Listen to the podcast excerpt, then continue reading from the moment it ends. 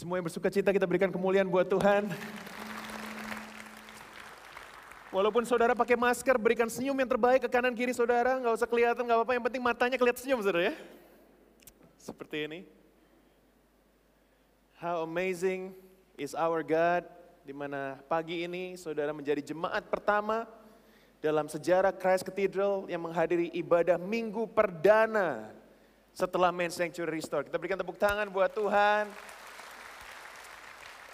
Um, berapa banyak saudara yang hari Kamis kemarin datang waktu ibadah perdana? Lambaikan tanganmu, puji Tuhan, thank you, udah datang lagi. Dan saya berdoa supaya saudara nggak cuma datang sendirian hari ini, tapi saudara bisa bawa teman, keluarga, orang-orang sekitar kita. Kita percaya Tuhan punya rencana buat kita. Judul khotbah hari ini adalah From the Ashes We Will Rise. Dari abu kita akan bangkit kembali. Yang percaya katakan, Saudara saya mengambil foto ini dua tahun lalu bersama dengan keluarga saya. Waktu main sanctuary masih dalam puing-puing. Coba saudara lihat foto ini, sekarang saudara lihat atapnya. Dalam waktu dua tahun saudara dari bolong, sekarang kita bisa punya atap seperti ini. Dan juga foto selanjutnya saudara lihat ini, nggak ada apa-apa saudara. Kosong melompong. Sekarang saudara bisa lihat di uh, tembok itu ada rigging besi dari sebelah kiri sampai sebelah kanan. What's gonna happen is, uh, kemarin saya sempat jelaskan di ibadah kedua, di ibadah perdana, bahwa LED yang saudara lihat ini adalah LED sementara. Dalam waktu 8-10 minggu ke depan, saudara, LED yang akan dipasang adalah LED yang lengkap, penuh dari tembok sebelah kiri sampai pojok sebelah kanan, saudara. But we all started from zero. Pastor Billy selalu bilang, lebih mudah membangun dari nol, dari tanah kosong, daripada membangun dari sesuatu yang sudah runtuh atau terpuruk. Demikian juga kehidupan kita sebagai orang percaya, saudara, bahwa kalau Tuhan memulihkan gedung ini, saya percaya bahwa Tuhan juga akan memulihkan kehidupan saudara dan saya, amin. Ada beberapa hal yang terjadi dalam hidup kita, this COVID thing for two years, come imagine saudara, kita sudah dua tahun loh nggak ibadah.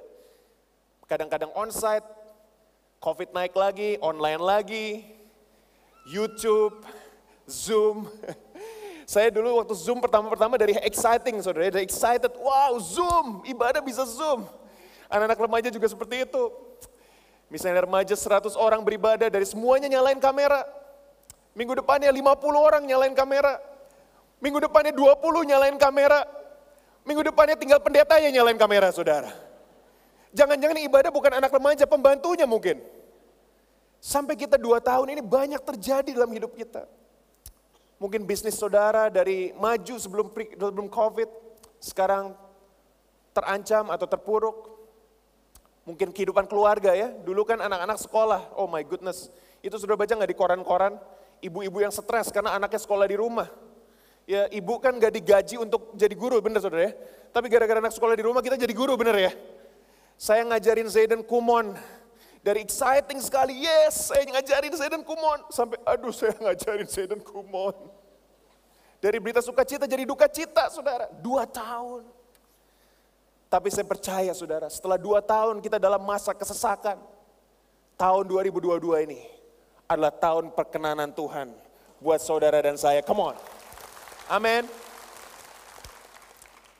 Maka itu saudara ada beberapa tugas yang Tuhan berikan buat gereja. Kalau Tuhan berikan fasilitas yang luar biasa, saudara bisa beribadah.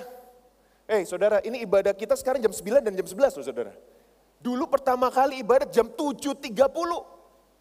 Saudara punya satu jam setengah tidur lebih lama setiap hari minggu. Datang jam 9. Ya.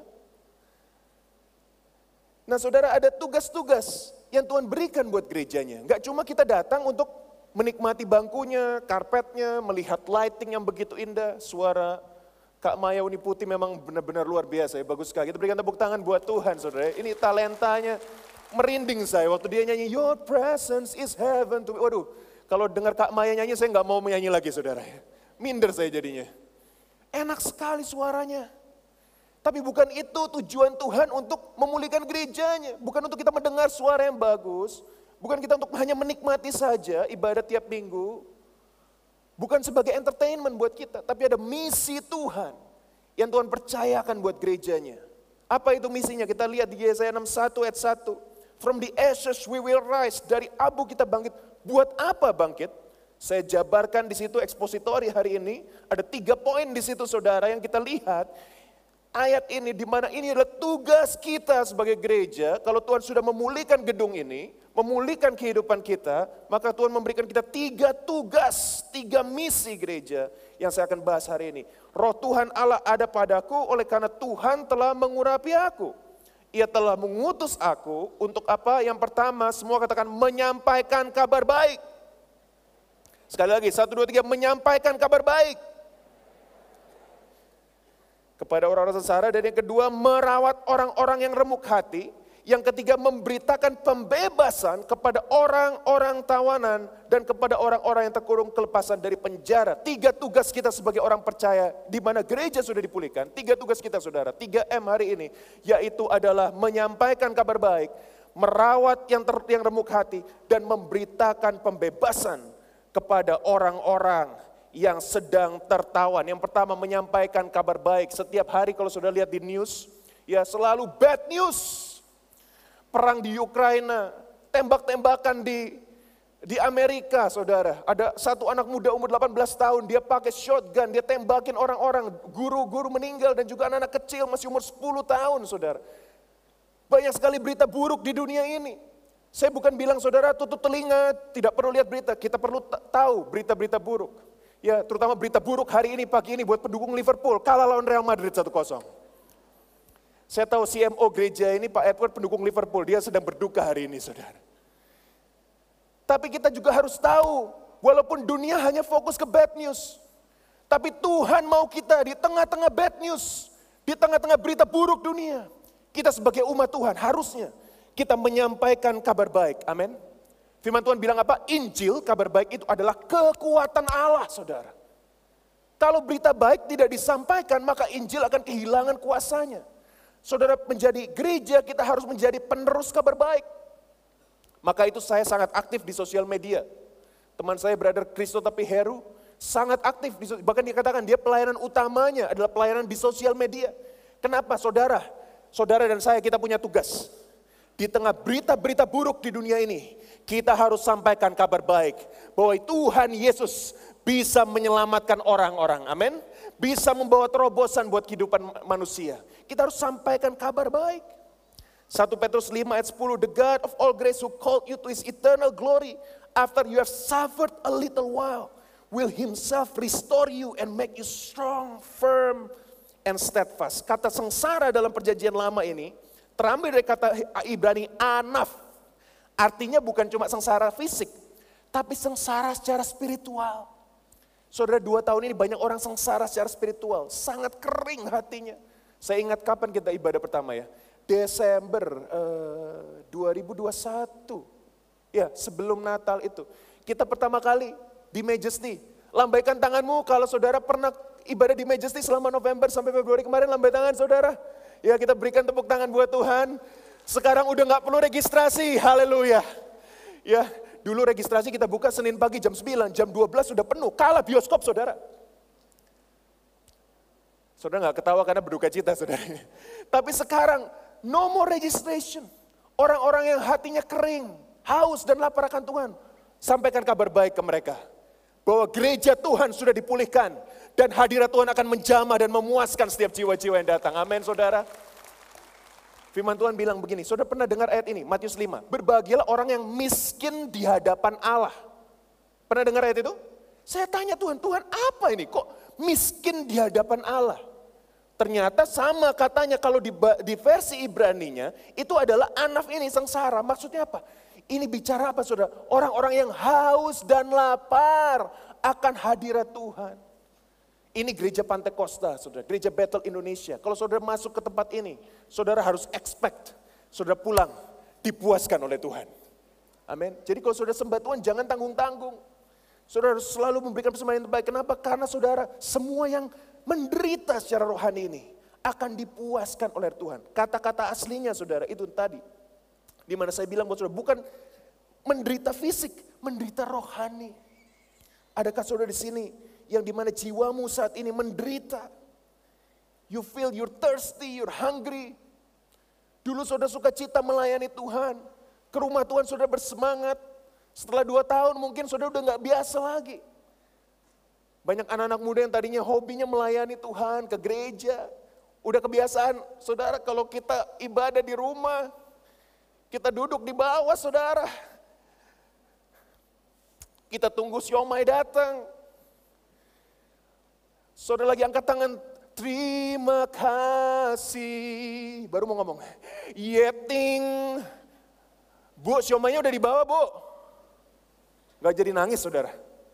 Kita udah dua tahun kebiasaan online, sekarang harus kembali lagi. Itu kayak orang udah gak nge-gym dua tahun, pasti kembali sakit. Pasti gak biasa, aduh cari parkir susah. Harus jalan, harus keluar dari rumah. Pengorbanan memang. Tapi ingat, 1 Korintus 15 ayat 58 berkata apa? Segala jerih payah kita dalam persekutuan dengan Tuhan tidak sia-sia. Saya percaya saudara-saudara yang bayar harga datang ke rumah Tuhan Saudara pulang dari rumah Tuhan, pasti saudara dipuaskan. Yang percaya katakan amin. Kita berikan kemuliaan buat Tuhan. Ini kamera yang mana? Yang ini apa yang ini? Yang mana kameranya? Yang itu. Ini, oke. Okay. Bagi saudara yang online di rumah, kalau saudara di luar kota, di luar Tangerang, it's okay. Tapi kalau saudara tinggal 5 km dari gereja, datang ke gereja saudara. Ya.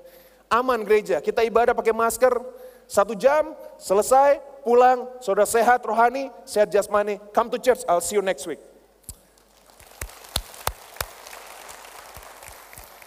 Yang kedua saudara, kita tidak cuma menyampaikan kabar baik, tapi kita juga merawat orang-orang yang remuk hati.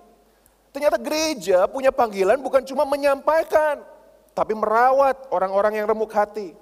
Saudara, kalau saudara sedang sakit, saudara sakit gigi, saudara ke mana? Dokter gigi, betul? Saudara sakit hati, saudara ke mana? Netflix. Saudara sakit mata ke mana? Dokter mata. Yang sakit anaknya ke dokter anak. Kalau saudara remuk hati, saya tadi saya bilang, sakit hati nggak ada dokter sakit hati, betul? Saudara coba telepon dokter umum saudara. Bu, saya sakit hari ini bu, bisa jam 4 sore datang. Sakit apa pak? Sakit hati, nggak bisa, nggak ada obatnya. Tapi ada spesialis saudara, oh saya kemarin jerawat besar sekali, saudara udah nggak lihat mungkin sekarang. Di sebelah kanan sini muncul tiba-tiba seperti besar sekali. Kalau dulu saya pites-pites sendiri saudara ya. Saya pikir daripada saya pites sendiri, saya facial kemarin saudara. Ya mbaknya yang udah biasa aja mites gitu, bahkan disuntik supaya sembuh. Jangan saudara main, coba obatin sendiri. Banyak orang remuk hatinya, mereka tidak datang kepada Tuhan, tidak datang kepada gereja, mereka hanya minum-minum, have fun, go to a club, main bola, ya, coba makan malam dan lain sebagainya. Coba melupakan masalahnya. Saudara, borok kalau dilupakan dia tetap borok saudara. Gak akan sembuh. Demikian juga kalau remuk hati, kita nggak bisa cuma ignore. Kita harus action. Minta Tuhan menyembuhkan kita. Ada berita baik buat saudara. Gereja ini adalah tempat di mana orang-orang yang remuk hati akan mendapatkan jamahan Tuhan. Amin. Orang-orang yang menderita hatinya sakit hati nggak bisa, dokter nggak bisa solve. Wah hati-hati loh saudara kalau ke psikiater sekarang ke psikologis. Mainnya obat. Saya percaya Tuhan bisa bekerja lewat obat. Tapi banyak orang bahkan selebriti di dunia ini sakit hati. Ya sekarang kita sedang mengikuti persidangan, nggak usah, nggak usah sebut namanya. Di Amerika ini pasangan ini sudah bercerai, sudah berbulan-bulan ngikutin persidangan. Saya tanya istri saya kemarin, loh kamu jam 3 pagi kok belum tidur? Iya, aku lagi nonton persidangan ini. Itulah yang Pirates of the Caribbean itu, tahu saudara ya? ya. Ngapain kita, dia bertahun-tahun ini revenge, revenge, wah yang ini ngomong begini, sakit hati nggak bisa sembuh. Mereka nggak tahu bahwa ternyata solusi orang-orang yang remuk hati bukan di persidangan, bukan di Hollywood, bukan di drugs, bukan di alkohol, tapi di rumah Tuhan Orang-orang yang remuk hati akan mendapatkan pemulihan dan kesembuhan saudara. Tugas saudara dan saya yang sudah dipulihkan Tuhan, kita harus membawa teman-teman kita. Yang sakit hati, remuk hati, semua itu masalah-masalah hati saudara. Remuk hati, sakit hati, patah hati. Asal jangan hati ampela, itu masakan padang. Gak lucu, gak apa-apa, ketawa aja saudara. Yang ketiga saudara tidak cuma saudara merawat orang-orang yang remuk hati. Tapi saudara memberitakan pembebasan kepada orang-orang tawanan. Sekarang ini penjara terbesar itu bukan di Amerika, bukan di Tangerang, bukan di ujung kulon. Eh ujung kulon bukan ya, itu yang, oh Nusa Kembangan. Kalau ujung kulon badak bercula satu. Bukan di situ, penjara terbesar ada di mana saudara? Di pikiran saudara. Waktu zaman covid lagi parah saudara, saya tiap hari, ini pendeta loh padahal saudara. Saya ngaku buat saudara, saya tiap hari, itu saya cek terus HP. Covid hari ini berapa ya? Covid hari ini berapa ya? Coba ngaku di sini yang setiap hari cek, angkat tangan, tenang, tidak ada yang menghakimi kok, cuma saya yang menghakimi. Sama bro, sama kita bro. Ya. Tiap hari, sampai hari ini papi saya masih begitu, Covid, Covid, Covid. Aduh. Sekalinya saya nekat kan, udahlah, Covid, Covid, ke restoran aja deh udah makan, gitu kan. Pakai masker, ya makan pizza pakai masker gimana caranya saudara? Dengan iman. Saya pergi ke sini, udahlah saya makan aja. Kesel saya lama-lama. Covid, Covid, gak bisa sekolah, gak bisa ibadah, gak bisa makan keluar. Bahkan saudara itu zaman-zaman itu, ingat saudara ya, sudah supir gojek pakai sarung tangan, bawa makanan di dalam plastik. Plastiknya kita taruh di bawah, kita semprot-semprot saudara. Psst. Gaya kita nyemprot plastik itu kalah loh pemadam kebakaran saudara. Semprot saya pernah makan bakmi. Disemprotin plastiknya. Masuk ke dalam, minyak jadi pahit saudara. Saya bilang ini bukan virus yang mati, bisa-bisa saya yang mati. Kita dipenjara oleh ketakutan parno banget. Mau keluar takut, ke gereja takut, sekolah takut. Sekarang di Australia sekolah optional loh, onsite. My goodness. Orang tua yang takut anaknya sekolah onsite, sekolah di rumah. Sepupu saya saudara, di rumah gak berani keluar sama sekali. Sekalinya saudara, omanya datang. Kena covid semua satu rumah. Eh saudara saya ketawa-ketawa gini juga enggak ini saudara. Saya berani orangnya tuh berani. Saya ini orang Surabaya, bondo nekat saudara. Dan bondo iman. Saya berani sekali kan sudah ke Amerika, ke apa di di market gini, wah gak kena, wah hebat ya gak kena, wah gak kena covid. Memang Pastor Riza kasih di kebal kayaknya nih. Sekalinya Seden pulang dari sekolah, pilek-pilek, ah nggak mungkin covid lah, sudah vaksin, apalagi sudah ada urapan dari Tuhan, haleluya. Kena sekeluarga loh saudara saya juga, saudara. Tapi maksudnya apa? Daripada saya di penjara, di pikiran saya, di rumah, di kamar, gak ke mana-mana. Udah mendingan saya mau hidup aja. Karena saya tahu kita sebetulnya gak boleh kalah sama virus ini. Itu semua di pikiran kita. Yang penting saudara pakai masker, prokes, hati-hati. Kita hidup normal aja. Percaya Tuhan lindungi dan kita juga dengan bijaksana. Kalau enggak kita di rumah sendirian isolasi saudara. Mati kita pikiran kita saudara. Yang setuju kita berikan tepuk tangan buat Tuhan ya. Ya saudara setuju lah. Ya saudara ke gereja, oh, berani udah saudara. oh my goodness, zaman-zaman itu loh saudara. Kenapa nggak ke gereja udah onsite loh? Aduh takut ke gereja, nanti kena covid. Eh, satu jam gereja, takut. Bioskop tiga jam nggak takut loh saudara. Apalagi kalau makan-makan gitu kan buka masker. Kita makan rohani tutup masker, puji Tuhan. Saudara mau untuk memberitakan pembebasan kepada orang tawanan, bilang ke teman-temanmu, di Christ Cathedral ada roh Allah, amin. 2 Korintus 3:17. Sebab Tuhan adalah roh. Di mana ada roh Allah, di situ ada kemerdekaan. Saudara, kalau saudara datang ke rumah Tuhan, saudara sedang terpenjara pikiranmu, terpenjara macam-macam, banyak ketakutan, saudara datang, Tuhan bebaskan aku. Karena di mana rohmu berada, ada kebebasan, ada pemulihan. Apalagi masa Pantai Costa, Tiap hari saudara harus berdoa, Tuhan pulihkan aku, bebaskan aku dari pikiran-pikiran. Banyak orang ada belenggu-belenggu dalam hidupnya ya, belenggu dosa, kepahitan, kekecewaan. Coba ini saudara, saya mau sekalian mempromosikan ini. Mulai bulan depan 26 Juni 2022 kita akan adakan FX. Ya, apa itu FX saudara? Ini program ini kelas pemulihan gereja 8 sampai 10 minggu, bukan cuma kelas. Di FX ini saudara akan mengalami jamahan Tuhan ya saudara akan dibebaskan. Pikiran-pikiran kita di penjara dibebaskan. Kenapa? Karena roh Tuhan menjama. Siapa di sini yang sudah pernah ikut FX? Lambaikan tanganmu. Woi, Michael lihat Michael. Wah masih ini ini masih 50% belum ya? Tolong di follow up semua Mike ya. Nanti dimintain nomor telepon semua Michael. Saudara kenapa perlu kita untuk mengalami transformasi? Karena di dalam transformasi ini saudara, pikiran kita dipenjarakan akan dibebaskan. Roh Tuhan akan menjamah. Hei, saudara pernah kalau meeting Zoom udah normal saudara ya? Ibadah Zoom normal. Pernah nggak saudara? Altar call Zoom. Belum pernah kan? Oh saya pernah. Jadi kita bingung. Sesi FX tentang urapan roh kudus.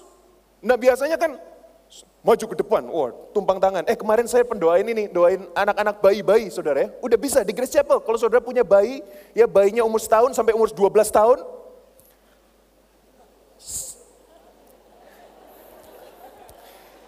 Mungkin ada bayi umur 20 tahun di sini.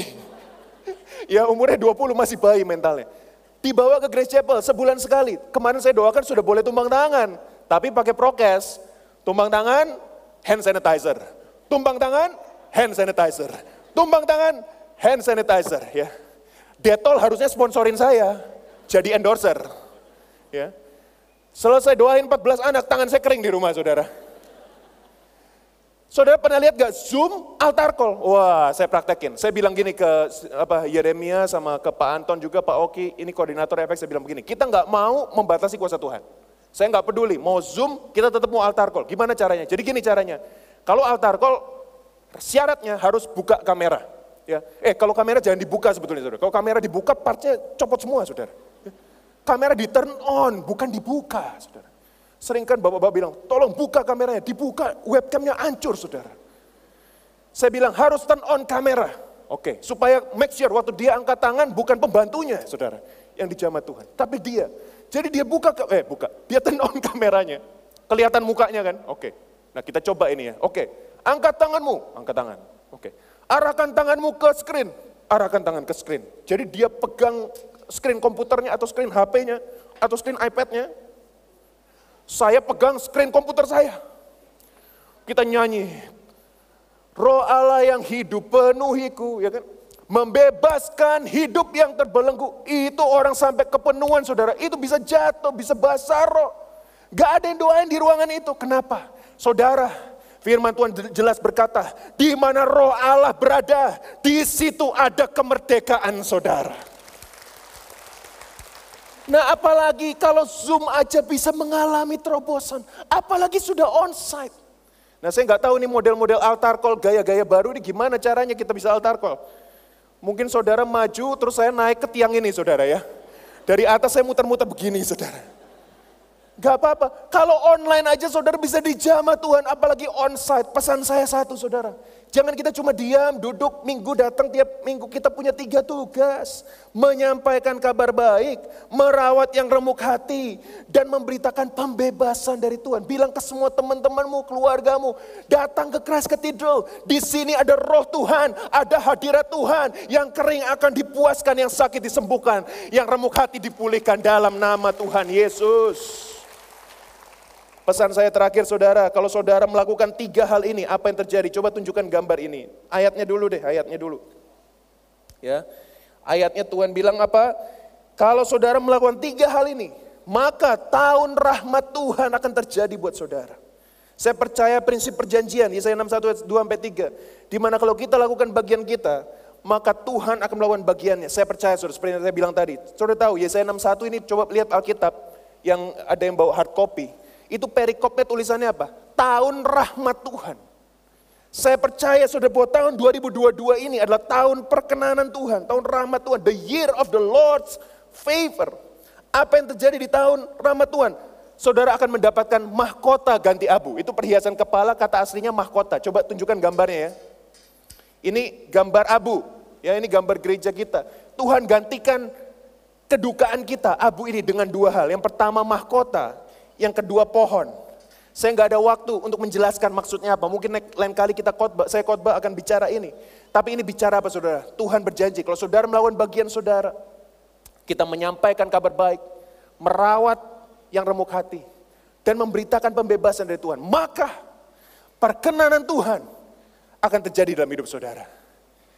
Dan abu, apa itu abu? Kehancuran, sesuatu yang memalukan, Sesuatu yang menyedihkan, Tuhan gantikan dengan sukacita, sorak-sorai, dan kemenangan buat saudara. Amin saudara. Ini janji bukan dari saya. Ini janji Tuhan saudara. Tuhan yang bilang bahwa apa? Dia sendiri akan menggantikan abu jadi perhiasan. Saudara ingat Daud waktu itu uh, anaknya sedang sakit. Ingat anaknya dari Betseba karena dia kan mengambil Betseba kan. Dia ganti apa yang dilakukan? Dia puasa lalu dia taruh abu di atas kepalanya. Ingat saudara, dia taruh abu di atas kepalanya. Orang perjanjian lama kalau sedang sedih dan berkabung menaruh abu di atas kepalanya. Tetapi Tuhan bilang buat saudara, mungkin saudara dalam kondisi sedih saat ini. Mungkin ada anggota keluargamu yang jauh dari Tuhan. Mungkin bisnismu dalam keadaan terpuruk. Mungkin ekonomimu tidak belum maksimal. Tapi Tuhan berkata pada pagi ini buat saudara, kalau saudara mengambil bagian saudara, menyampaikan kabar baik, merawat yang remuk hati, dan memberitakan pembebasan Tuhan, maka Tuhan akan menggantikan mahkota abu dengan mahkota kemuliaan saudara. Amin.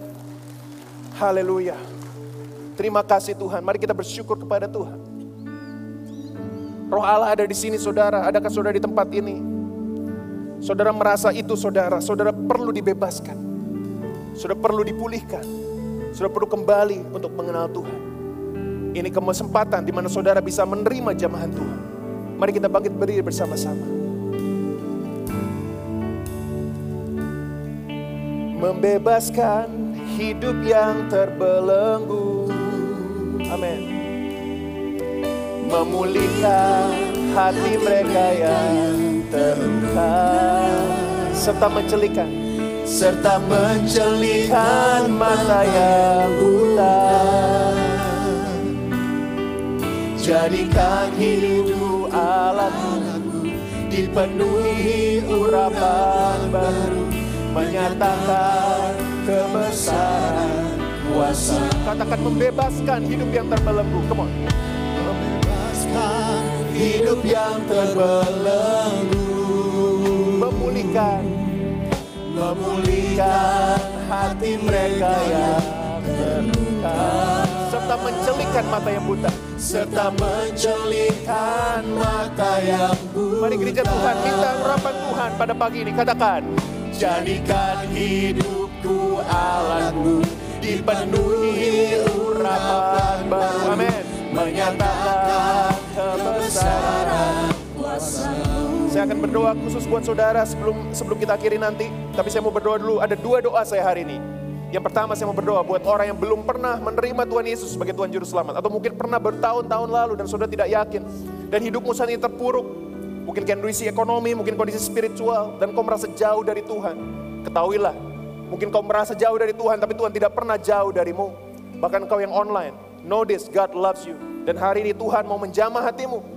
Tuhan mau masuk dalam hidupmu. Kalau engkau itu saudara, dan saudara mau menerima Tuhan Yesus pada hari ini, angkat tanganmu hitungan ketiga, dan saya akan berdoa buat saudara, tidak perlu lihat kanan kiri, semua mata terpejam, saya mohon saudara angkat tangan di tempat, ini keputusan yang sangat penting.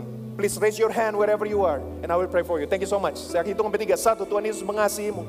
Dua, hidupmu seterpuruk apa pun, dia akan memulihkanmu.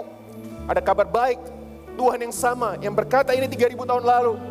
Dia ada di tempat ini untuk memulihkan hidupmu. Maukah engkau menerima Yesus hari ini sebagai Tuhan Juru Selamatmu? Angkat tanganmu di tempat. Satu, dua, tiga. Thank you. Kalau ada, thank you. God bless you. Lebih tinggi biasa bisa lihat. Thank you. Bless you. Thank you. Thank you so much. God bless you. Kalau sudah sudah mengangkat tangan, sudah bisa berdoa bersama dengan saya Tuhan Yesus. Hari ini aku menerima Engkau sebagai Tuhan dan Juru Selamat dalam hidupku. Jadi Raja atas hidupku Tuhan. Ibu tidak akan sama lagi karena Tuhan Yesus ada dalamku, selamanya kau Tuhan. Selama kau Raja, aku di dalam nama Tuhan Yesus berdoa. Amin. Kalau saudara sudah berdoa yang kita ucapkan bersama tadi, selamat datang di keluarga Tuhan. Gereja menyediakan resources untuk membantu saudara bisa bertumbuh dalam pengenalan Tuhan. Saya panggilkan teman saya, saudara waktu saudara keluar nanti. New to church, new to Christ. Here, naik aja. Saudara bisa ambil um, Alkitab ini, dan juga saudara bisa scan QR code supaya kita bisa tahu data-data saudara dan kita bisa memberikan resources untuk saudara. So please, if you're new to church, new to Christ, saudara jemaat baru, please see our, our, our colleagues, our staff, saudara bisa ketemu mereka, sehingga saudara bisa connected with the body of Christ, dan saudara bisa bertumbuh. Saya mau berdoa buat setiap saudara, saudara siap untuk memberitakan kabar baik, amin? Tiga hal tadi saudara, menyampaikan kabar baik, merawat yang remuk hati, dan memberitakan pembebasan Tuhan. Itu tugas kita. Saya akan berdoa buat saudara, sudah diurapi Tuhan, supaya saudara menjadi alat Tuhan untuk menjamah banyak orang. Sudah siap? Angkat tanganmu di tempat. Saya akan berdoa buat saudara. Terima kasih Bapak buat firman Tuhan hari ini. Kami bersyukur Tuhan, karena kami diberikan kesempatan untuk beribadah. Kami tahu Tuhan, kami beribadah bukan untuk diri kami sendiri. Engkau sudah memberikan tugas buat kami. Kami yang mengangkat tangan Tuhan, kami siap untuk menyampaikan kabar baik kepada orang-orang sengsara. Merawat orang-orang yang remuk hati dan memberitakan pembebasan kepada orang tawanan. Keluarga kami, teman-teman kami, tetangga yang belum mengenal Tuhan. Kami berdoa Tuhan di minggu-minggu depan, apalagi minggu Pantekosta, kami percaya ruangan ini akan dipenuhi oleh jiwa-jiwa yang haus akan Tuhan. Dan mereka menerima jamahan Tuhan. Sudah saya berdoa buat saudara, semua mahkota abu pagi ini Tuhan ganti menjadi mahkota kemuliaan. Semua duka cita menjadi sukacita. Rap, ratap tangis menjadi sorak-sorai. Kira berkat rahmat dari Allah Bapa, kasih karunia petunggal Allah Tuhan Yesus Kristus, dan persekutuan dari rohnya yang kudus, menyertai kehidupan kita mulai hari ini. Sampai Tuhan Yesus datang yang kedua kalinya. Di dalam berkat nama Tuhan Yesus Kristus. Yang percaya kita bangkit dari abu. Mendapat mahkota kemuliaan dari Tuhan. Sama-sama katakan, Amin. God bless you. See you next week.